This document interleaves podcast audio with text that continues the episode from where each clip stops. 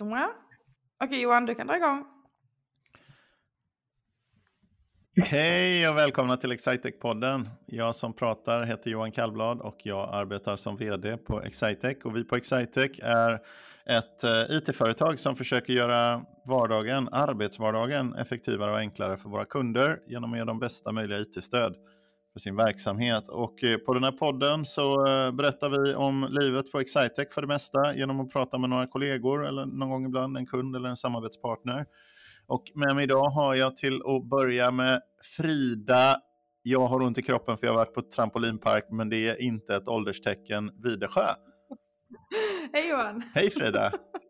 Vilket intro! Ja, eh, du har fått välja gäst, eller fick du välja gäst, eller fick vi en, en gäst föreslagen från, från oss?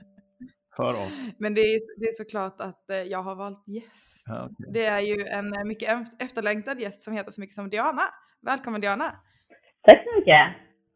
Hur känns det att vara med i podden? Eh, väldigt roligt. Eh, jag har ju lyssnat lite och tyckt att ni har haft ganska härliga samtal. Så att eh, jag är ganska taggad på det. Då är det, då är det ju frågan för oss liksom att kunna upprätthålla det, för då är förväntningen, eh, då är förväntningen skyhög här. På, på att det här ska bli bästa poddavsnittet någonsin. Ja. ja, precis. Vad, vad gör du på Excitec, Anna?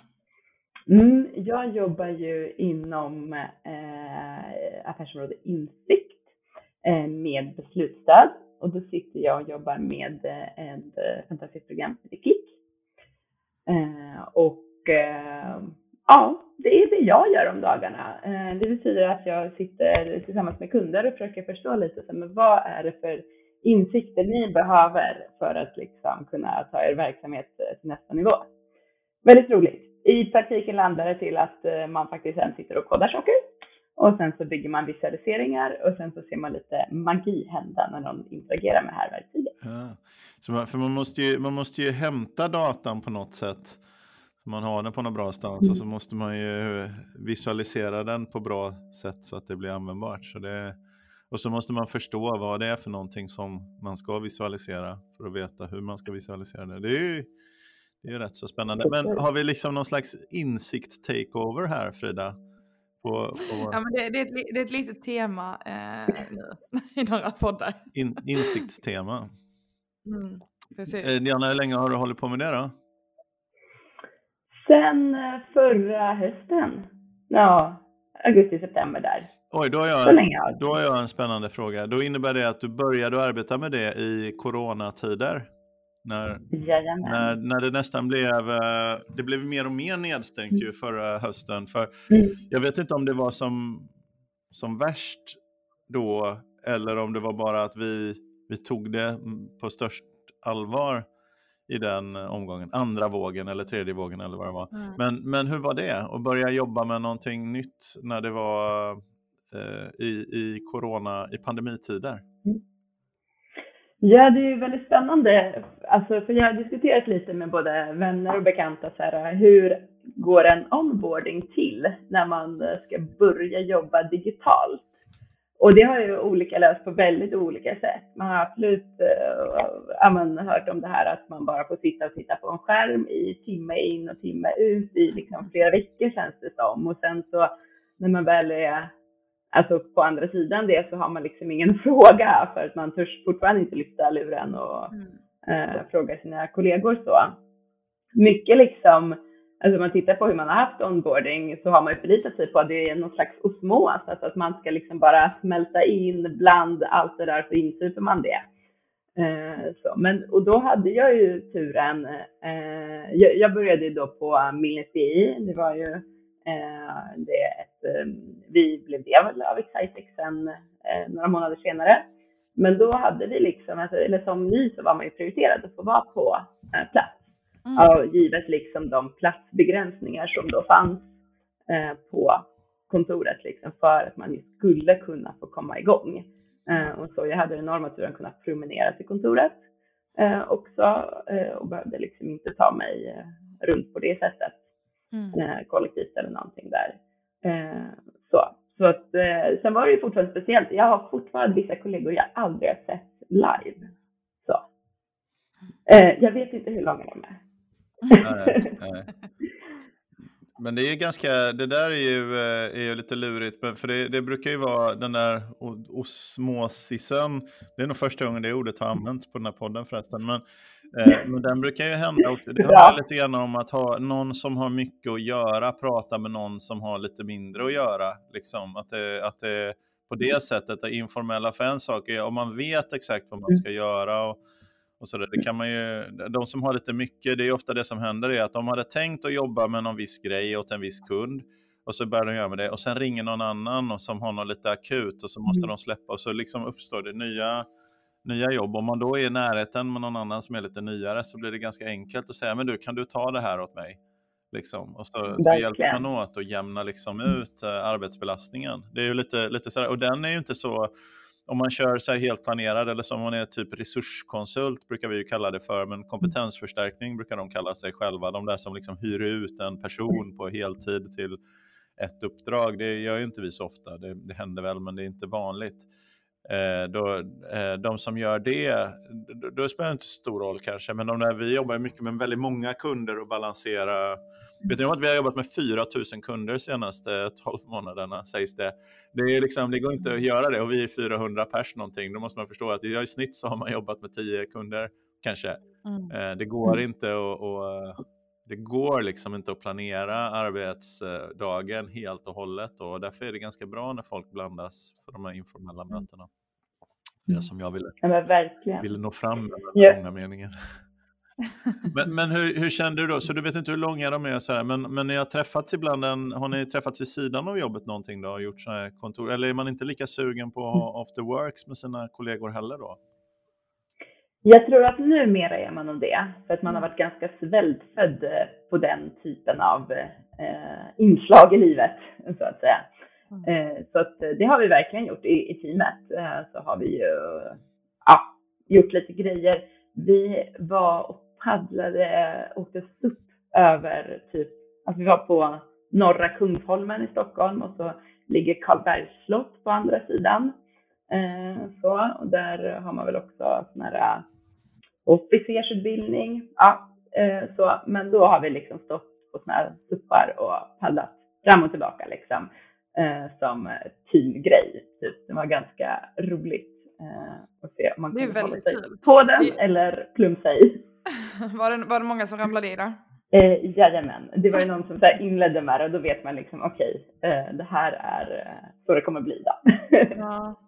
alltså jag, jag har ju märkt, jag har gjort det några gånger och det är ju så stor skillnad om man kör på sådana här som är eh, helt hårda, alltså mm. materialet är hårt, eller om ja. det är den uppblåsbara varianten. Ja. För det är liksom, man tror inte att det är så stor skillnad, men så mycket svårare på den uppblåsbara varianten. Det är liksom något element av lite extra ostabilitet i, det är liksom inte så hårt. Så att mm. ja, om man är nybörjare så kan det vara bra att börja på den jättehårda Men, varianten. Men eh, jag tror att många av de där upplåsta är inte tillräckligt hårt upplåsta. Mm. Eh, för de är oerhört hårda de, eh, när de är helt upplåsta. De är, jag, mm. eh, som gammal suppare då. Nej, men jag, jag, seglar ju på somrarna som eh, du vet mm. Frida.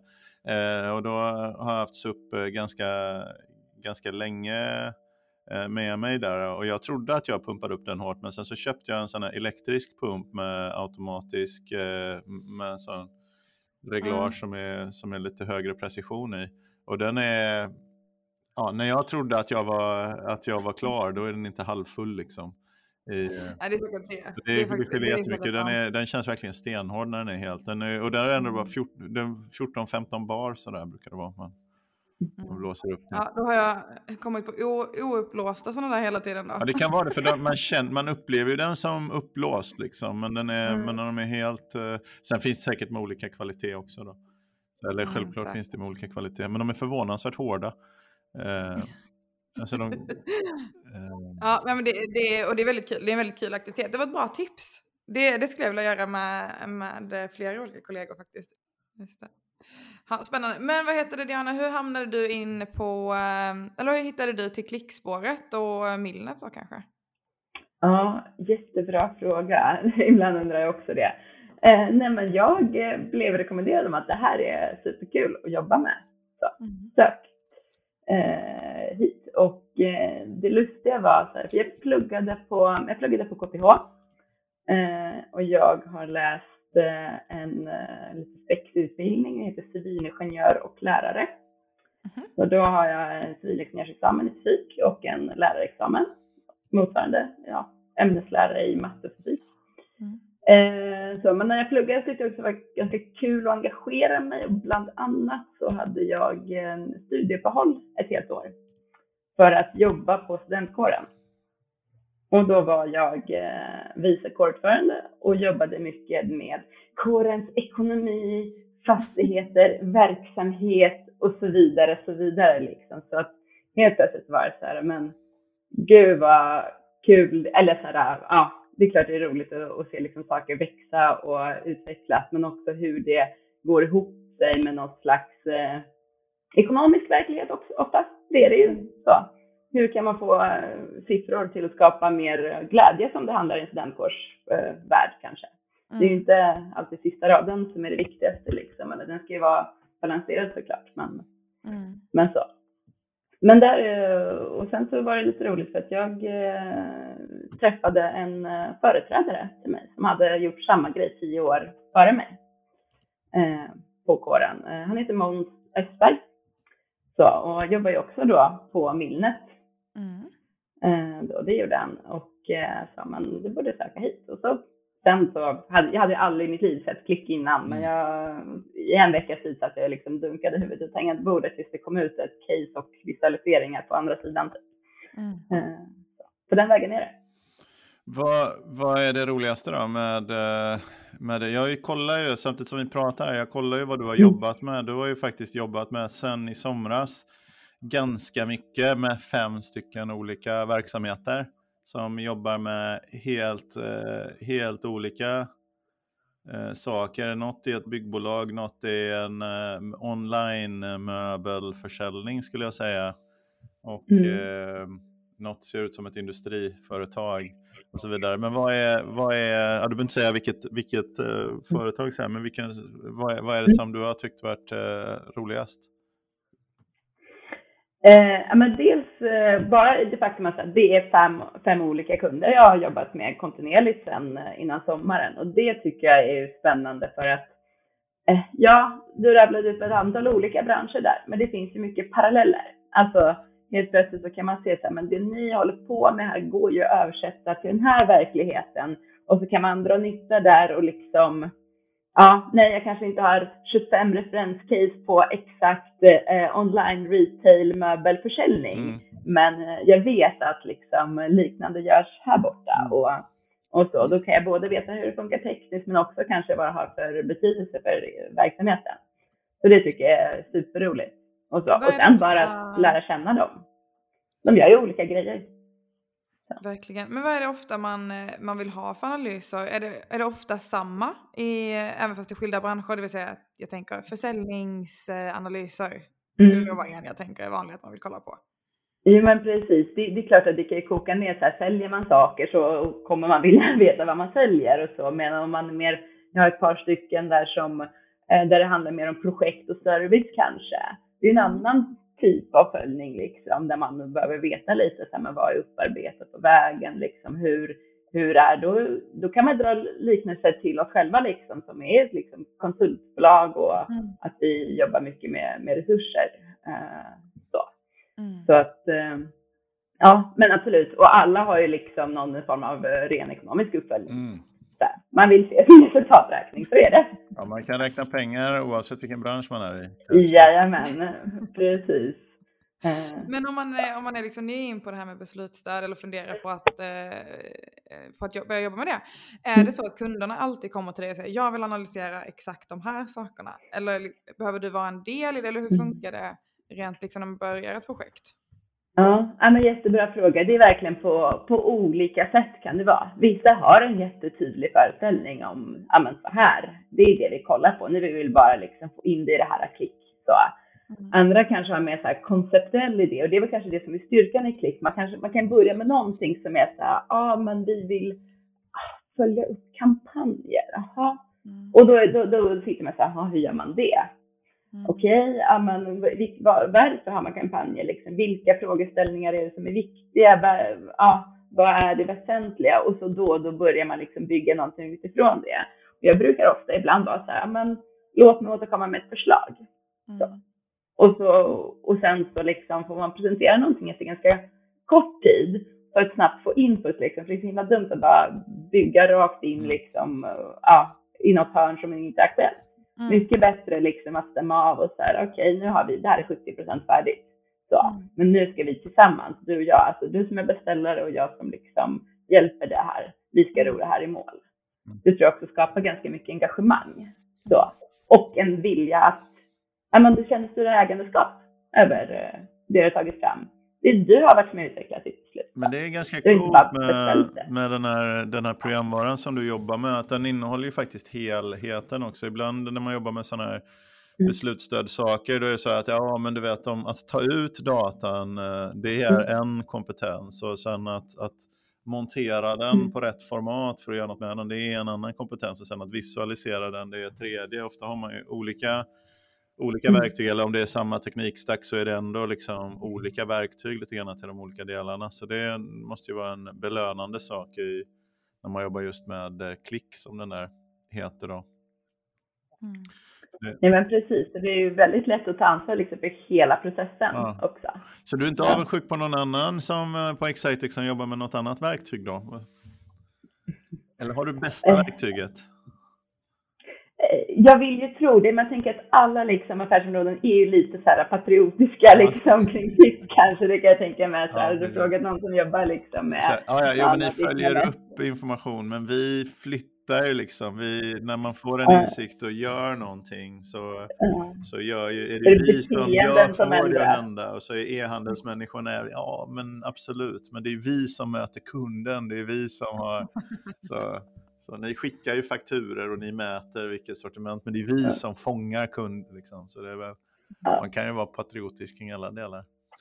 Verkligen. Men, men det skulle ju vara kul, det vore ju bra om folk eh, hoppar runt lite grann mellan eh, mm. egentligen, alltså inte, oftast så vill man väl fortsätta jobba och fördjupa sig och bli duktigare på det man gör, men, men eh, mm. det vore ju kul i en framtid om man kan liksom, eh, det, det, och det förekommer ju att folk eh, hoppar runt. Framförallt att de blir tvångsrekryterade in. Till exempel som till e-handel just nu är ju ganska, ganska många som, eh, det är ganska mycket efterfrågan såklart på e-handels stödsystem mm. så vi tvångsrekryterar från, från andra områden. Men, mm. men, och det, jag hoppas att de personerna tycker det är lite kul också. Ja, jag skojar lite. Ja, men det är kul när, man, när det bygger på en genuin eh, efterfrågan från kunder. Ju för på ett mm. område, att vi liksom har varit duktiga på någonting. Så, så, så, för det är lite, om man tar någon som var duktig på ett annat område så, så kan han säkert hoppa till, till någonting annat. Och man vet ändå att det är en person som trivs och har gjort det bra och så vidare. Så det är ju lite mm. mindre risk kanske än att rekrytera människor helt externt ifrån. Mm. Men så är det ju. Det finns ju flera på Excitec som har eh, börjat med till exempel beslutsstöd eller börjat med något, något annat område och eh, jobbar med, med, ett ben i två olika områden nu. Eh, och det tycker jag är väldigt kul faktiskt, att man inte behöver gå in på ett spår och sen fastna där, utan man kan så, växa. Frida, vilket område tänker du då när du är klar med marknad? Oh, ja, alltså det som ligger närmast till är sälj ja. då. Men eh, vi får väl se, det, det är nog en bit bort. Så inte, inte beslutsstödskonsult? Kanske, jag tycker faktiskt det är rätt, det, det, det, är väl det jag tycker verkar mest spännande. Och kanske ligger lite närmare än något av de andra för mig också som tycker det är rätt så skoj att kolla på data och sådär. Och då, då får du göra Men, det eh, visualiseringen ja. också. För synen mm. Diana, får jag fråga dig, eh, när du, nu har vi pratat om jobb, vad, vad, hur, hur ser ditt liv ut när du inte jobbar? Vad är du intresserad av Ja, precis. Eh, nej men eh, jag var en sån här som var lite ledsen under pandemin för att alla teatrar stängde. Mm. Så, jag älskar att gå på teater. Eh, nu är det tillbaka. Eh, så, så att eh, eh, det är någonting som jag gillar att göra. Och så annars tycker jag om att träna. Och också skönt att gymmen är öppna och fungerande. Mm. så, och mycket så här, det blir ju såklart ja, men jag berättade innan liksom att jag hade flyttat nyligen och då är det fortfarande så här, då blir det massa, helt plötsligt blir hemmet och ens intresse att eh, fixa med det. Men teater, mm. det är lite kul. Vad, vad är den mm. senaste teatern du har gått på? Mm. Eh, och då är det ju också så att allting har varit typ utsålt. Eh, sen det började liksom. Men det, det, nästa jag ska gå på faktiskt är en, eh, en så här återkommande grej. Jag har sett den flera gånger den pjäsen. Men eh, den heter Sufflören. Mm. Och eh, det handlar, eh, som ni kanske har förnamnet, om en sufflör. Det vill säga en person som eh, på en teater håller, följer manuset helt enkelt medan föreställningen utspelar sig och eh, hjälper eh, skådisarna om de kommer av sig. Mm -hmm. Men så, så det är alltså en teater om teater? Så det är lite Exakt, mer den är lite meta, verkligen ja. så. Och jag brukar ta med folk som liksom är lite nyfikna på teater. Den är otroligt tillgänglig, den är inte så lång, den är ganska rolig. Eh, mm. så, så att jag ska faktiskt gå med en kompis som inte har gått så mycket på teater. Så det är eh, nybörjarteater? Exakt, det är inkörsporten här. Ah. Men Diana, vilken teater förutom den du tittade om precis som vi redan har glömt namnet på som jag får säga igen? Sufflören. Sufflören. Vad har, du, har du något mer tips som är liksom steg två efter man har blivit inkörd på det här med teater? Mm. Ja men dels så, jag tycker typ, det, så här, det beror på var man bor. Så. Mm. Och eh, vad som är bra med pandemin också, det finns ju mer och mer så här, uh, digitalt. Så det finns ju, mm. då har man ju filmat massa föreställningar så finns de liksom på, ja men man kan gå in på Dramaten Play och så kan man liksom välja någonting så behöver man inte kolla mer än vad man eh, är taggad på egentligen. Mm. Och för, så det blir ett sätt att prova på lite. Eh, så, men ja, jag, jag skulle säga det, det tar ju lite mer tid än man bör, börjar hitta alla de här små, lite okända, lite nischade teatrarna. Utan man kan börja med de stora scenerna. Mm. I Stockholm så är det väl Stockholms stadsteater och eh, Dramaten mycket. Liksom. Men, men är du liksom, är du renlärig på något sätt? Om de liksom börjar sjunga till exempel, blir du arg och går därifrån då? Eller? Ja, exakt. Jag reser mig i protest ja. och lämnar med eh, tunga steg. Nej, nej, jag är väldigt eh, flexibel. Så, så det, det, är tydligen det man inte ska göra då på teater. Teater sjunger man inte på, men musikal gör man det på då? Ja, det är tydligen så. Jag gillar musikal också, så att jag, jag är inte kinkig där. Alltså, så här, skulle nog sjunga. Men jag skulle kanske reagera om musikalen inte innehöll sång. Mm. Mm. Men, men, opera då? Det är ju liksom lite mer tung, då är det ju bara sång. Eh, det, det är ju det liksom. Så har man en textremsa där uppe liksom som, så att man ska hänga med. Ja, det är sång på ett språk man inte kan. Dessutom, dessutom. Ja, men det, ja, det har jag väl gått på eh, några gånger. Det kan jag väl göra. Men det är ju, jag, jag kastar mig inte över de biljetterna det första som händer. Liksom. Mm. Ja, spännande. Men Diana, eh, du, eh, nu har vi kommit till ett segment i podden här som heter Någon berättar om något. Och jag vet ju vilket ämne du ska prata om och det, jag tycker det ska bli spännande för det är ett ämne jag kan väldigt lite om. Mm. Eh, man skulle kunna tänka sig att det är teater för det är också ett ämne jag kan väldigt lite om. Men vad är det du, du vill berätta om Diana? Ja, jag tänkte, det slumpar sig lite så att vi sitter här idag och spelar in den här podden Eh, dagen efter att det har varit världsdiabetesdagen 14 november då. Så jag tänkte jag ska passa på att berätta lite om det. Eller det är ett ämne som ligger mig ganska varmt om hjärtat för att eh, jag har liksom både nära i min familj men även eh, jobbat med många barn som eh, har diabetes typ eh, 1. Och eh, det, är, det här är alltså en sjukdom som är livslång och inte går att bota och som kan drabba liksom alla egentligen. Det är, det är klart Sen man vet inte riktigt orsaken och det är alltid en blandning av så här, äh, arv och miljö som man säger, men äh, de allra, allra, allra flesta har ju liksom ingen nära släkt som mm. har det. Så att, äh, ja, orättvist, men så. Och men på, lite, på lite så basic nivå då. Eh, diabetes typ 1 och 2 finns. Yes. Vad, är det typ 1 som man föds med? Eh, så, precis. Jag tänkte prata om diabetes typ 1, för det är det jag kan mest om. Eh, så, och det, det, det handlar om att, eh, eh, att eh, insulinproduktionen inte fungerar längre. Det är en autoimmun sjukdom. Det betyder det liksom att kroppens eget immunsystem har vid något tillfälle gett sig på kroppen själv och förstört eh, insulinproduktionen. Just det. Och det kan hända liksom när som helst under livet? Exakt, så det är, man brukar tänka att det oftast drabbar barn och det, och det, det stämmer liksom, men det är lika många vuxna som barn som får det. Så att eh, kan absolut få det i vuxen ålder. Eh, så. så det är ungefär tre personer per dag som drabbas av sjukdomen, tre barn och tre vuxna. Mm. Eh, så. Och eh, ja, och som jag sa, så här, den, den går inte att bota liksom, utan det är mycket så här, en så kallad, man pratar om egenvård, då handlar om att eh, dosera insulin på rätt sätt och hålla koll på blodsockret. Och det måste man göra konstant, hela tiden. Eh, så, så det, det som är liksom lite vägen framåt här är ju någonstans att man måste forska mer.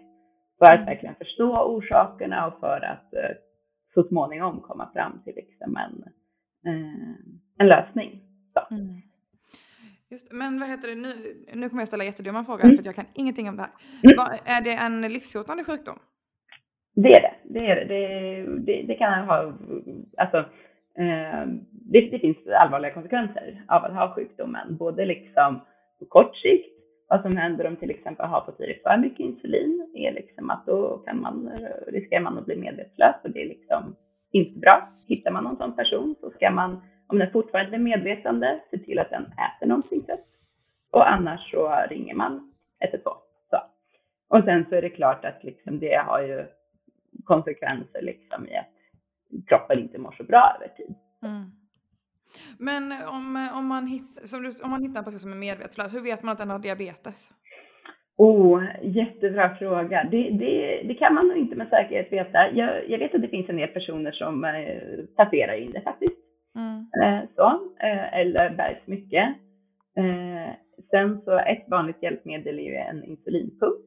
Mm. Så, så antingen ska man använda insulinsprutor eller så kan man ha en liksom som en dosa som sitter på. Hittar man en sån så vet man ah, okej, okay, det är nog det. Ni kanske har sett ibland att folk har en liten sensor på armen. Mm. Här är en liten uh, rund plupp brukar det vara. Den mäter blodsocker. Så, så det finns ju liksom saker man kan se liksom. Men man ska liksom aldrig fippla med, med insulinprylarna utan det är bättre att bara ringa. Uh, mm. Vad heter det, hur, du, hade du diabetes själv här? Nej, Nej men jag har två, två systrar som har det. Ja. Ja, är, det, är det ärftligt?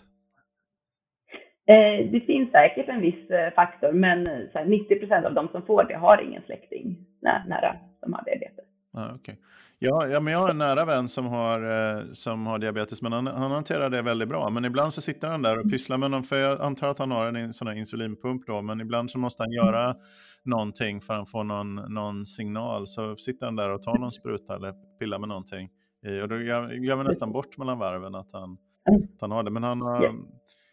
Men det, man känner ju liksom att det känns jobbigt med barn, eller fast det är väldigt, härligt ju för ett barn som blir diagnostiserad med diabetes har ofta mått ganska taskigt ett tag innan. Mm. Eh, ju liksom. så, så, det är, det är, så det är nästan som omgivningen tycker, eller för jag har även en, en, av, mina, en av min yngsta sons eh, gamla vänner, en, eh, mm. eller liksom en som jag gick på dagis med, fick eh, diagnostiserad nu för ett år sedan bara ungefär. Hon, är, hon var väl bara sju då. Eh, eller åtta. Men det är nästan som man, man, som förälder så tycker man oj vad jobbigt och vad hemskt och vad tråkigt. Men som förälder till mm. barnet tycker ju nästan av naturliga skäl och tvärtom. För barnet har inte mått speciellt bra innan mm. man men det är så här obestämda symptom liksom. Inte... Ja, men vad är det för symptom när man inte mår speciellt bra av diabetes? Vad är det? Är man mm. trött? Eller liksom, vad är det som är... Vätskebrist tror jag, att man dricker väldigt mycket. Vad det är som var på den här tjejen då. Mm. Eh, eller vi kanske skulle låta Diana som kan något om det här säga ja. snarare. Ja.